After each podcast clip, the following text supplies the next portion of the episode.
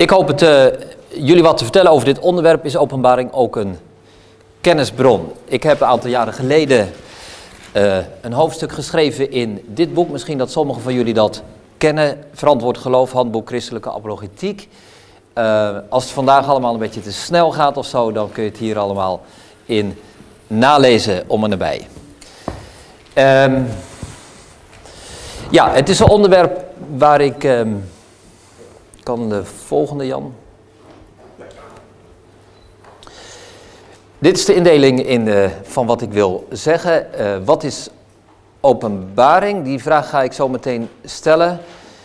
En daarna openbaring en het debat over schepping en evolutie. Dat is tenminste, hè, dus tenslotte waar we hiervoor voornamelijk ook bij elkaar zijn gekomen om daarover na te denken.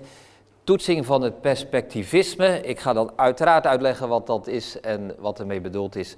En dan rond ik uh, daarna af. Oké, nou, ik heb er ongeveer een half uur voor. Uh, Jan is naar mij altijd, ik heb hier een paar keer vaker gesproken, heel genereus. Ik krijg altijd 10 minuten extra. Ik weet niet of jullie dat op het programma gezien hebben. Maar ik heb 40 minuten en iedereen uh, van de andere sprekers heeft er 30. Maar Jan heeft er alweer 5 opgesnoept, dus ik heb als het erop aankomt net zoveel tijd als iedereen. Uh, dus komende half uur uh, wil ik het hierover uh, hebben met jullie. Nou, misschien zeg je, ja, hè, ehm, wat is dat nou weer voor thema? Is openbaring ook een kennisbron? Nou, er zitten verschillende kanten aan waar het volgens mij belangrijk is om het erover te hebben. Het is een filosofisch thema, het is een theologisch thema, het is een apologetisch thema. Sommigen van ons zullen niet zo geïnteresseerd zijn in de filosofie. Even geduld hebben, dan komt de theologie vanzelf. En als je dat ook niet voldoende interesseert, dan komt nog de apologetiek. Ja, als je ze alle drie niet interessant vindt, dan vraag ik me af waarom je hier bent. Maar goed, hopelijk zit er voor iedereen wat bij. En kan ik duidelijk maken waarom dit een belangrijk thema is. Al is het behoorlijk abstract, maar het is wel goed om daarover te spreken. Wat is openbaring? Ik moet het uiteraard wat, eh, wat schematisch doen, maar we kunnen denk ik twee visies onderscheiden. De ene visie noem ik de kennisvisie en de andere noem ik perspectivisme. De kennisvisie houdt in dat je de Bijbel ziet als een bron van kennis. Als je hier op de banner kijkt, de Bijbel bron van kennis. Ja, dat is de kennisvisie. De andere visie is het perspectivisme. Dan heb je een perspectief, een kijk. Ik ga dat zo meteen uitleggen, wat die visie is. En mijn, mijn betoog van vanmorgen is om duidelijk te maken dat dat perspectivisme tekortschiet. Om theologische, filosofische en apologetische redenen. Nou, hoe moet je die twee duiden? Eerste aanduiding, als je een kennisvisie hebt, dan zeg je de Bijbel geeft ons informatie. En wel informatie die wij zonder openbaring niet zouden hebben gekregen. Dus openbaring is de bekendmaking van informatie. En zonder die openbaring hadden we die informatie moeten missen. Perspectivisme zegt nee, de openbaring is een perspectief, een kijk op de zaak. je, kunt, je kunt een boek lezen ehm, en je zegt van nou, dat, dat boek was voor mij, een, het was een openbaring voor mij. Ja, het gaf me een totaal nieuwe kijk op dingen. Dan gebruiken wij ook het woord openbaring, maar dan bedoelen we voornamelijk dat mijn kijk, mijn inzicht, mijn perspectief op dingen veranderd is. Nou, dat is wat het perspectivisme wil zeggen. En de vraag van dit moment is, is openbaring ook een kennisbron. Dat woordje ook is belangrijk. Het is nooit of-of, in de zin van, hè, ehm, ik bedoel dat wie de, wie de openbaring aanvaardt als een kennisbron, die accepteert ook dat de Bijbel ons een perspectief aanreikt. Hè, het zou de laatste zijn van vanmorgen dat ik dat zou willen ontkennen. Natuurlijk geeft het woord van God ons ook een kijk op de zaak, een perspectief, een inzicht, een, een, een gezichtspunt. Ja, dus dat zou ik niet willen uh, ontkennen. Maar de vraag is, is het alleen dat of is het ook, meer dan dat, is het ook een kennisbron. Voor nu ga ik die twee visies tegenover elkaar plaatsen. Ja? Dus als ik het over perspectivisme heb, dan bedoel ik de gedachte dat het geen kennisbron is. Dus dat de Bijbel alleen maar een perspectief aanreikt. Om dat nog even te onderstrepen heb ik een paar Bijbelteksten erbij genoemd. Iedereen die de Bijbel als kennisbron accepteert, accepteert ook dat de Bijbel ons een bepaald perspectief aanreikt. En soms symbolische taal uh, gebruikt. Als je denkt aan Psalm 98. Ehm, laat de rivieren in de handen klappen, de bergen samen vrolijk zingen. Is niemand die dat letterlijk opvat. En iedereen heeft meteen door, hè, uh, die, dit is beeldspraak, is symbolische taal. Uh, hetzelfde geldt voor Jezaja 55, vers 12. De bergen en de heuvels zullen voor uw ogen uitbreken in gejuich en alle bomen van het veld zullen in de handen klappen. Dat is metaforisch, symbolisch. En dit gaat zo vanzelfsprekend dat iedereen van ons die zo'n Bijbeltekst leest, dat accepteert. Maar de vraag is, kun je dit uitstrekken tot alle Bijbelteksten? Als we nu 1 Korinthe 15, vers 17 nemen. 1 Korinthe 15 gaat over de opstanding van Jezus uit de doden. Als Christus niet is opgewekt, is uw geloof zinloos en bent, u bent dan nog in uw zonde. Daar zegt Paulus heel duidelijk, dat gaat te ver. Als je de opstanding van Jezus alleen maar als een symbolische uh, kijk op de zaak, een perspectief ziet, hij zegt dat gaat niet. Wij moeten dat als uh, feiten accepteren, als openbaring, zo zegt het woord van God. Dus, nou ja, ik kom er straks nog even op terug. Het is... Uh, dat perspectivisme, allemaal accepteren we dat in meer of minder mate. Maar de vraag voor nu is dus, kunnen we alles van de Bijbel onderbrengen bij een bepaald perspectief? Of moeten we zeggen, de Bijbel is ook, meer dan dat, is ook kennisbron. Laat ik een uh, uh, paar definities geven. De Catholic Encyclopedia uit 1912, Rooms-Katholieke encyclopedie, die zegt het volgende, uh, dat is dus een voorbeeld van de kennisvisie. Openbaring kan worden omschreven als de mededeling van een bepaalde waarheid door God aan een redelijk schepsel, door middelen die de gewone loop van de natuur overstijgen. Openbaring is dus de mededeling van een bepaalde waarheid. Dat is een hele klassieke visie, eeuwenoude visie. Honderden jaren lang de meest dominante visie in de christelijke kerk geweest. En voor velen, denk ik, van ons ook de visie op openbaring waar ze het meest mee vertrouwd zijn. Ja, dat is toch openbaring dat God ons dingen vertelt, waarheden meedeelt. Ja, dus deze visie die is, uh, dit is de kennisvisie, lange tijd heel dominant geweest. In de modernere tijd is een andere visie opgekomen en het is een redelijk willekeurige bron die ik hier noem, John Macquarie, Principles of Christian Theology. Die zegt het volgende, hij is voorstander van het perspectivisme. In de verklaring van openbaring die hier gegeven wordt, wordt verondersteld dat de persoon die de openbaring ontvangt niets meer ziet en hoort dan iemand anders in die situatie zou zien en horen. Wat wordt geopenbaard is niet een ander iets, naast wat door iedereen kan worden waargenomen. Veel eer zou men moeten zeggen dat degene die de openbaring ontvangt dezelfde dingen ziet op een andere manier. Nou, dit is een voorbeeld van perspectivisme. Dus iedereen heeft te maken met dezelfde feiten, dezelfde waarheden, dezelfde wereld. Alleen, ja, sommige mensen die, die kijken daar anders naar. Dat noemen we dan geloofsperspectief bijvoorbeeld. Het is een perspectief, het is jouw kijk op de zaak. De ene kijkt naar buiten en, en, en die ziet gewoon bergen en, en, en heuvels en dalen. En de ander die ziet de schepping. Dus het woord schepping in het perspectivisme is gewoon jouw kijk op de zaak.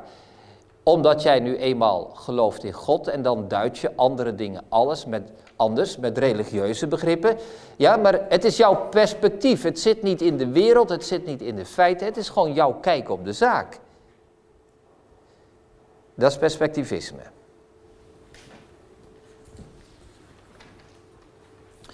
Dus hè, om dat punt af te ronden, het is jouw bril die jij op hebt en die kleurt jouw werkelijkheid, maar het zit meer in jouw bril dan in die werkelijkheid. Het is jouw visie, interpretatie, paradigma, allemaal woorden die daarvoor worden gebruikt. We gaan naar het derde punt, openbaring en het bad over schepping en evolutie. Wat gaat dit hele verhaal, wat ik verteld heb, nu uh, zeggen voor ja, de vraag van schepping en evolutie? Ik ga wat zeggen wat uh, we allemaal hopelijk uh, door en door kennen, maar het is goed om even te zeggen, ja, leuk, dit weet ik, dit snap ik. Er zijn drie visies, globaal drie posities. Jonge aarde creationisme, oude aarde creationisme en theïstisch evolutionisme. Wat zijn die drie posities? Jonge aarde creationisme zegt, de aarde is jong, dat wil zeggen, we omschrijven, we duiden de leeftijd van de aarde in duizenden jaren en niet meer dan dat. En de mens is niet door het evolutieproces ontstaan. Oude aarde creationisme zegt, ja, de aarde is wel oud, niet in duizenden, maar in miljarden jaren moeten wij daarover spreken. En de mens is niet door het evolutieproces ontstaan. En dan heb je theïstisch evolutionisme, die zegt ja, de aarde is oud en de mens is wel door het evolutieproces ontstaan. Ik vind het altijd belangrijk om die twee dingen, de ouderdom van de aarde en het ontstaan van de mens, te onderscheiden. Laatst zag ik nog uh, in het Reformatorisch Dagblad een, een, een interview en dat ging dan over de vraag of, of uh, de sterren door evolutie zijn ontstaan. Dat vind ik dan voor zo'n journalist toch wel een beetje onder de maat, eerlijk gezegd. Want er is niemand die beweert dat sterren door evolutie zijn ontstaan. Evolutie is een biologisch proces wat gaat over leven en ja, niet over sterren. Dus die twee dingen onderscheiden we. En uh, deze drie posities, dat zijn de hoofdposities in het debat. Als we die twee vragen in elkaar schuiven, dan komt er het volgende uit. Het jonge aardecreationisme is voorstander van de kennisvisie. Het oude aardecreationisme hangt ook de kennisvisie aan. En theïstisch evolutionisme is uh, perspectivisme. Waar valt dus de scheiding tussen oude aarde en jonge aardecreationisme aan de ene kant, en theïstisch evolutionisme aan de andere kant? Dat is goed om te zien. Ja, dus dat jonge aardecreationisme, oude aardecreationisme in ieder geval dit punt gemeenschappelijk hebben dat zij de Bijbel zien als een kennisbron. En dat zij zeggen dat in de Bijbel ons informatie wordt gegeven die wij zonder de Bijbel niet zouden hebben gehad. Terwijl het theïstisch evolutionisme neigt naar het perspectivisme. Nou, waar komt dat dan vandaan? Waarom, waarom heeft dat theïstisch evolutionisme nu de neiging om uh, het perspectivisme aan te hangen? Dat is een interessante vraag. Waarom is iemand als Kees Dekker, om die naam te noemen, verschoven van kennisvisie naar perspectivisme? Welke beweging zit daarachter? Welke motieven hebben mensen daarvoor om die kant op te gaan? Nou, waarom verbindt het theïstisch evolutionisme zich aan het perspectivisme? Er zijn een paar dingen te noemen. Het maakt het mogelijk de huidige stand van de wetenschap te accepteren. Want je zegt, kennis komt niet uit de Bijbel, alle kennis die wij hebben komt uit de wetenschap.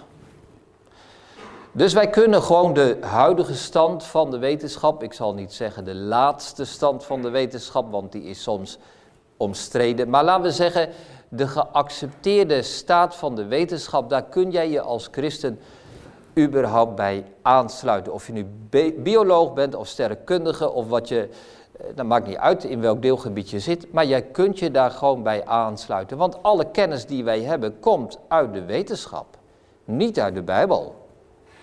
Ja?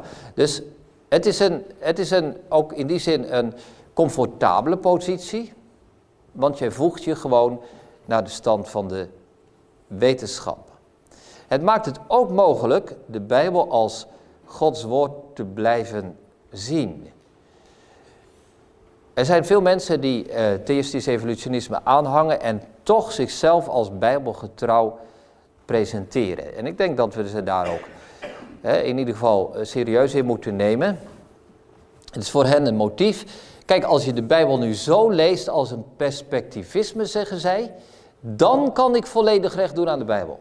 De Bijbel is mij niet gegeven om mij informatie te geven over geologie of over sterrenkunde of wat dan ook. De Bijbel is een perspectief dat mij wat zegt over de relatie tussen God en mens.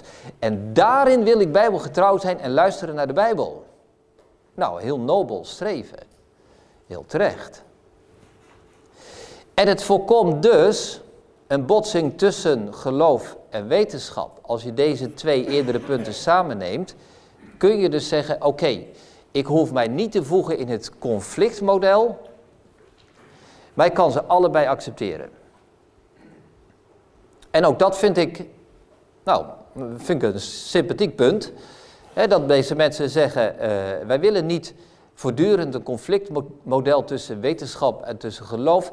God heeft beide boeken ons gegeven, zegt de Nederlandse geloofsbeleidenis.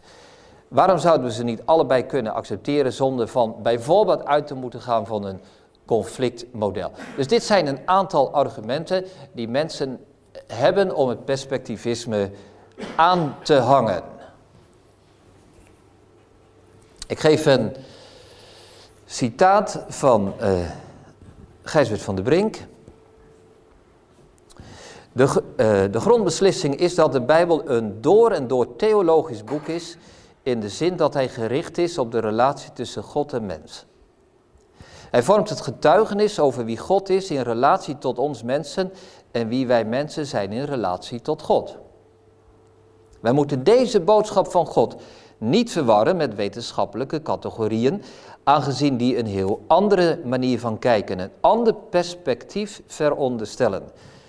Richt het wetenschappelijke perspectief zich op de feitjes, het theologische heeft betrekking op de zin van ons bestaan. En als je dan in zijn boek de bladzijde omslaat, dan zegt hij, en dit noemen we perspectivisme. Dus hij zelf is een duidelijke, een nadrukkelijke voorstander van het perspectivisme. Je ziet in dit citaat hoe hij, hoe hij de Bijbel eh, als het ware onttrekt aan de kennis en zegt, het gaat daar niet om feitjes, het gaat om een relatie. Het gaat niet om wetenschap, het gaat om theologie. Het gaat niet om informatie, het gaat om een perspectief. Laat ik erbij zeggen dat. Uh, ik heb in de voorbereiding voor vandaag daar nog eens naar gekeken. Ik denk dat Gijsbert van der Brink daar wel ook. Uh, nou, laat ik zeggen, in ontwikkeling is. Of in zwabbert, net hoe, je, hoe positief of negatief je het wilt duiden. Zijn lezing in 2015, zijn inaugurele oratie, had hij volgens mij nog weer een wat andere uh, positie dan in zijn laatste boek. Dit komt uit zijn laatste boek.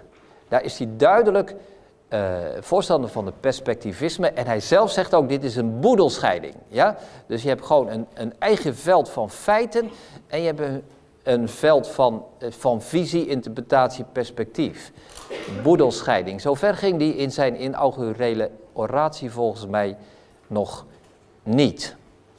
Dus uh, ja, het zal, bijna, het zal niet te voorkomen zijn dat zijn naam vandaag nog wel meerdere keren genoemd zal worden.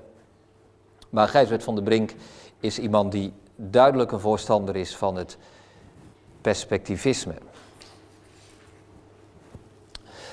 Ik zeg er nog één bij, voor we naar de volgende. Oh, daar zijn we al. Ik zeg er nog één ding bij als we teruggaan naar de vorige. Uh, ik wil er nog wel bij zeggen dat Gijsbert van der Brink volgens mij, als het erop aankomt, niet een 100% voorstander van perspectivisme is. Als het over de heilsfeiten gaat, ik heb net 1 Korinthe 15 genoemd, als het over de heilsfeiten gaat, wil hij zelf een uitzondering maken en de feitelijkheid van de opstanding van Christus, van uh, de kruisiging, van uh, de maagdelijke geboorte, wil hij staande houden. Ik vind dat in hem te prijzen. Hoe hij dat zelf combineert met zijn perspectivisme is mij niet duidelijk. Maar ik ben in ieder geval blij dat hij de, de historische helsfeiten vast wil houden. Niettemin noemt hij zelf het perspectivisme en beschouwt hij zichzelf als een voorstander daarvan. Hoe moeten wij daar tegenaan kijken? Uh, de volgende mag Jan. Ik denk dat de filosofische vragen te stellen zijn, theologische vragen en apologetische vragen bij het perspectivisme. Eerste filosofische vraag. Waarom heb ik moeite met het perspectivisme vanuit filosofisch oogpunt? Als je dit echt door, uh, doortrekt, word je naturalist. Wat bedoel ik daarmee? Uh, uiteindelijk is God misschien slechts onderdeel van jouw perspectief. Dat kan heel goed. Wat er echt is, wat er bestaat, zijn alleen platte feiten, zijn alleen maar atomen en moleculen enzovoort. En de rest is allemaal in the mind. Ja, jouw, jouw visie, jouw kijk, jouw interpretatie, jouw bril. Misschien zit God wel in jouw bril. Ja. Er zijn ook mensen, de vrijzinnige theologen, die gaan zo ver. Die zeggen, oké, het, het concept God gebruiken wij om duiding te geven, maar het is slechts duiding. Het is niet objectief waar. Het is geen feit dat God bestaat. Het is slechts een manier waarop ik naar de wereld kijk. Ja, dus hoe voorkom je dat je niet vanuit dat perspectivisme op een gegeven moment constateert, ja, God is voor mij eigenlijk alleen nog maar een concept en een begrip. Dus iemand als uh, uh, Wittgenstein, die belangrijk is voor het perspectivisme, ik denk dat hij uiteindelijk uh, naturalist is. nou, dat vind ik, een, vind ik een belangrijk en een ernstig bezwaar. Ander filosofisch bezwaar dat ik heb tegen perspectivisme is dat er te weinig verschil wordt gemaakt tussen kennis en kennisverwerving. Wat bedoel ik? De methode waardoor wij tot kennis komen kan divers zijn. Hoe kom ik aan mijn kennis? Een deel van mijn kennis heb ik simpelweg door mijn geheugen. Ik weet nog dingen van vroeger. Een deel van mijn kennis heb ik door getuigenis. Mensen hebben met mij gepraat en dingen verteld en ik accepteer wat zij uh, zeggen. Een deel van mijn kennis komt uit de wetenschap, wetenschappelijke kennis. Een deel van mijn kennis is morele kennis, kennis over goed en kwaad. Er zijn dus verschillende manieren waarop ik tot kennis kom. Er zijn verschillende manieren van kennisverwerving. En het perspectivisme heeft de neiging om te zeggen, ja, maar er is eigenlijk maar één methode waardoor wij tot kennis komen. En dat is de wetenschappelijke methode. Alleen de wetenschap levert ons kennis op. Nou, dat vind ik een, een ernstige versmalling van de bronnen van kennis. En dus ook van wat wij als kennis beschouwen. Waarom zou alleen de wetenschap ons vertellen wat kennis is en hoe wij aan kennis komen, wat de feiten zijn? Waarom zouden er geen andere bronnen zijn, bijvoorbeeld goddelijke openbaring? Ja, dus de vraag die beantwoord wordt, roept ook zichzelf weer op. Een paar filosofische vragen. Er zijn ook theologische vragen te stellen. Um, de theologische vragen gaan, ik noem het al even, over de helsfeiten. Wie de Bijbel leest, wie de twaalf artikelen leest, kan volgens mij onmogelijk zeggen, ja het gaat in de Bijbel om een manier van kijken. Lees de twaalf artikelen, het zijn gewoon twaalf beweringen, zo zit de wereld in elkaar. Er is een God, er is een zoon, er is een wederkomst. Er is een Heilige Geest. Enzovoort. Dus die historische verankering, er zijn dingen gebeurd in de geschiedenis die betekenis hebben voor ons, is heel wezenlijk voor het christelijke geloof. En hoe je daarmee deelt als je het perspectivisme aanhangt, ja, dat lijkt me een hele lastige. Jezus zelf was volgens mij geen perspectivist. Jezus zelf ging uit van wat de Bijbel zegt. Dat is kennis, historische kennis. Die vertellen ons dingen over vroeger. Neem dat, die tekst, hè, wellicht kennen we die. Dat Jezus zegt, de mensen uit Nineveh zullen opstaan tegen deze generatie en zullen hen veroordelen. Nou, als je zegt, ja hoor eens, het boek Jona, uh, uh, die in Nineveh is geweest, dat is gewoon een verhaal en dat leert ons een bepaald perspectief en niet meer dan dat. Eh, Donald Carson die zegt dan, zouden niet bestaande personen die zich zogenaamd bekeerden door de niet bestaande prediking van de niet bestaande profeet, Jona, opstaan op de oordeelsdag om de werkelijke onbekeerlijkheid te veroordelen van hen die werkelijk naar Christus, Christus luisterden. Dus het gezag van het woord van Jezus op dat moment kun je alleen begrijpen als je net als hij ervan uitgaat dat er echt een profeet Jona is geweest En dat er echt mensen in Nineveh zijn geweest die zich hebben bekeerd. Dus dat zijn een aantal theologische bezwaren tegen het perspectivisme. Er zijn ook apologetische bezwaren. Als je niet uitkijkt, werkt dit zeer verlammend. Als je een boedelscheiding accepteert, dan zeg je tegen iemand anders: Jij hebt jouw bril, ik heb mijn bril. De feiten zijn gelijk, maar ik heb gewoon een theologische en christelijke bril en ik beschouw de wereld als schepping uh, en jij niet. Ja, dat is heel verlammend. Dan is er geen dialoog meer tussen geloof en wetenschap, want het zijn gewoon twee verschillende werelden die niet eens met elkaar kunnen communiceren. Dan kun je dus ook niet meer een correctie hebben op verkeerde wetenschap. Ja? Dat perspectivisme lijkt misschien wel veilig omdat je bang bent voor de kritiek vanuit de wetenschap op het geloof. Maar waarom zou het geloof ook niet af en toe eens kritiek mogen hebben op de wetenschap?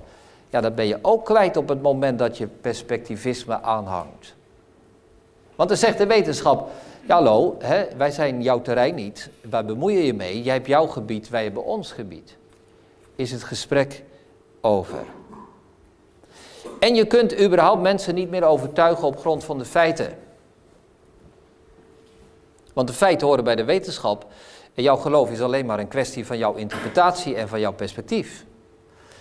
Misschien kennen sommigen van jullie eh, dat boek eh, Bewijs Genoeg van Lee Strobel. Of die, uh, die DVD The Case for Christ. Het is mooi om te zien dat de feiten heel belangrijk zijn om zo'n man tot een andere overtuiging te brengen. En als er geen feiten zijn, kun je iemand ook niet overtuigen van de feiten. Ja, dus het perspectivisme heeft ook wel apologetisch een hoge prijs te betalen. Ik kom tot mijn slot. Openbaring is een kennisbron. Dus de afwijzing van het perspectivisme.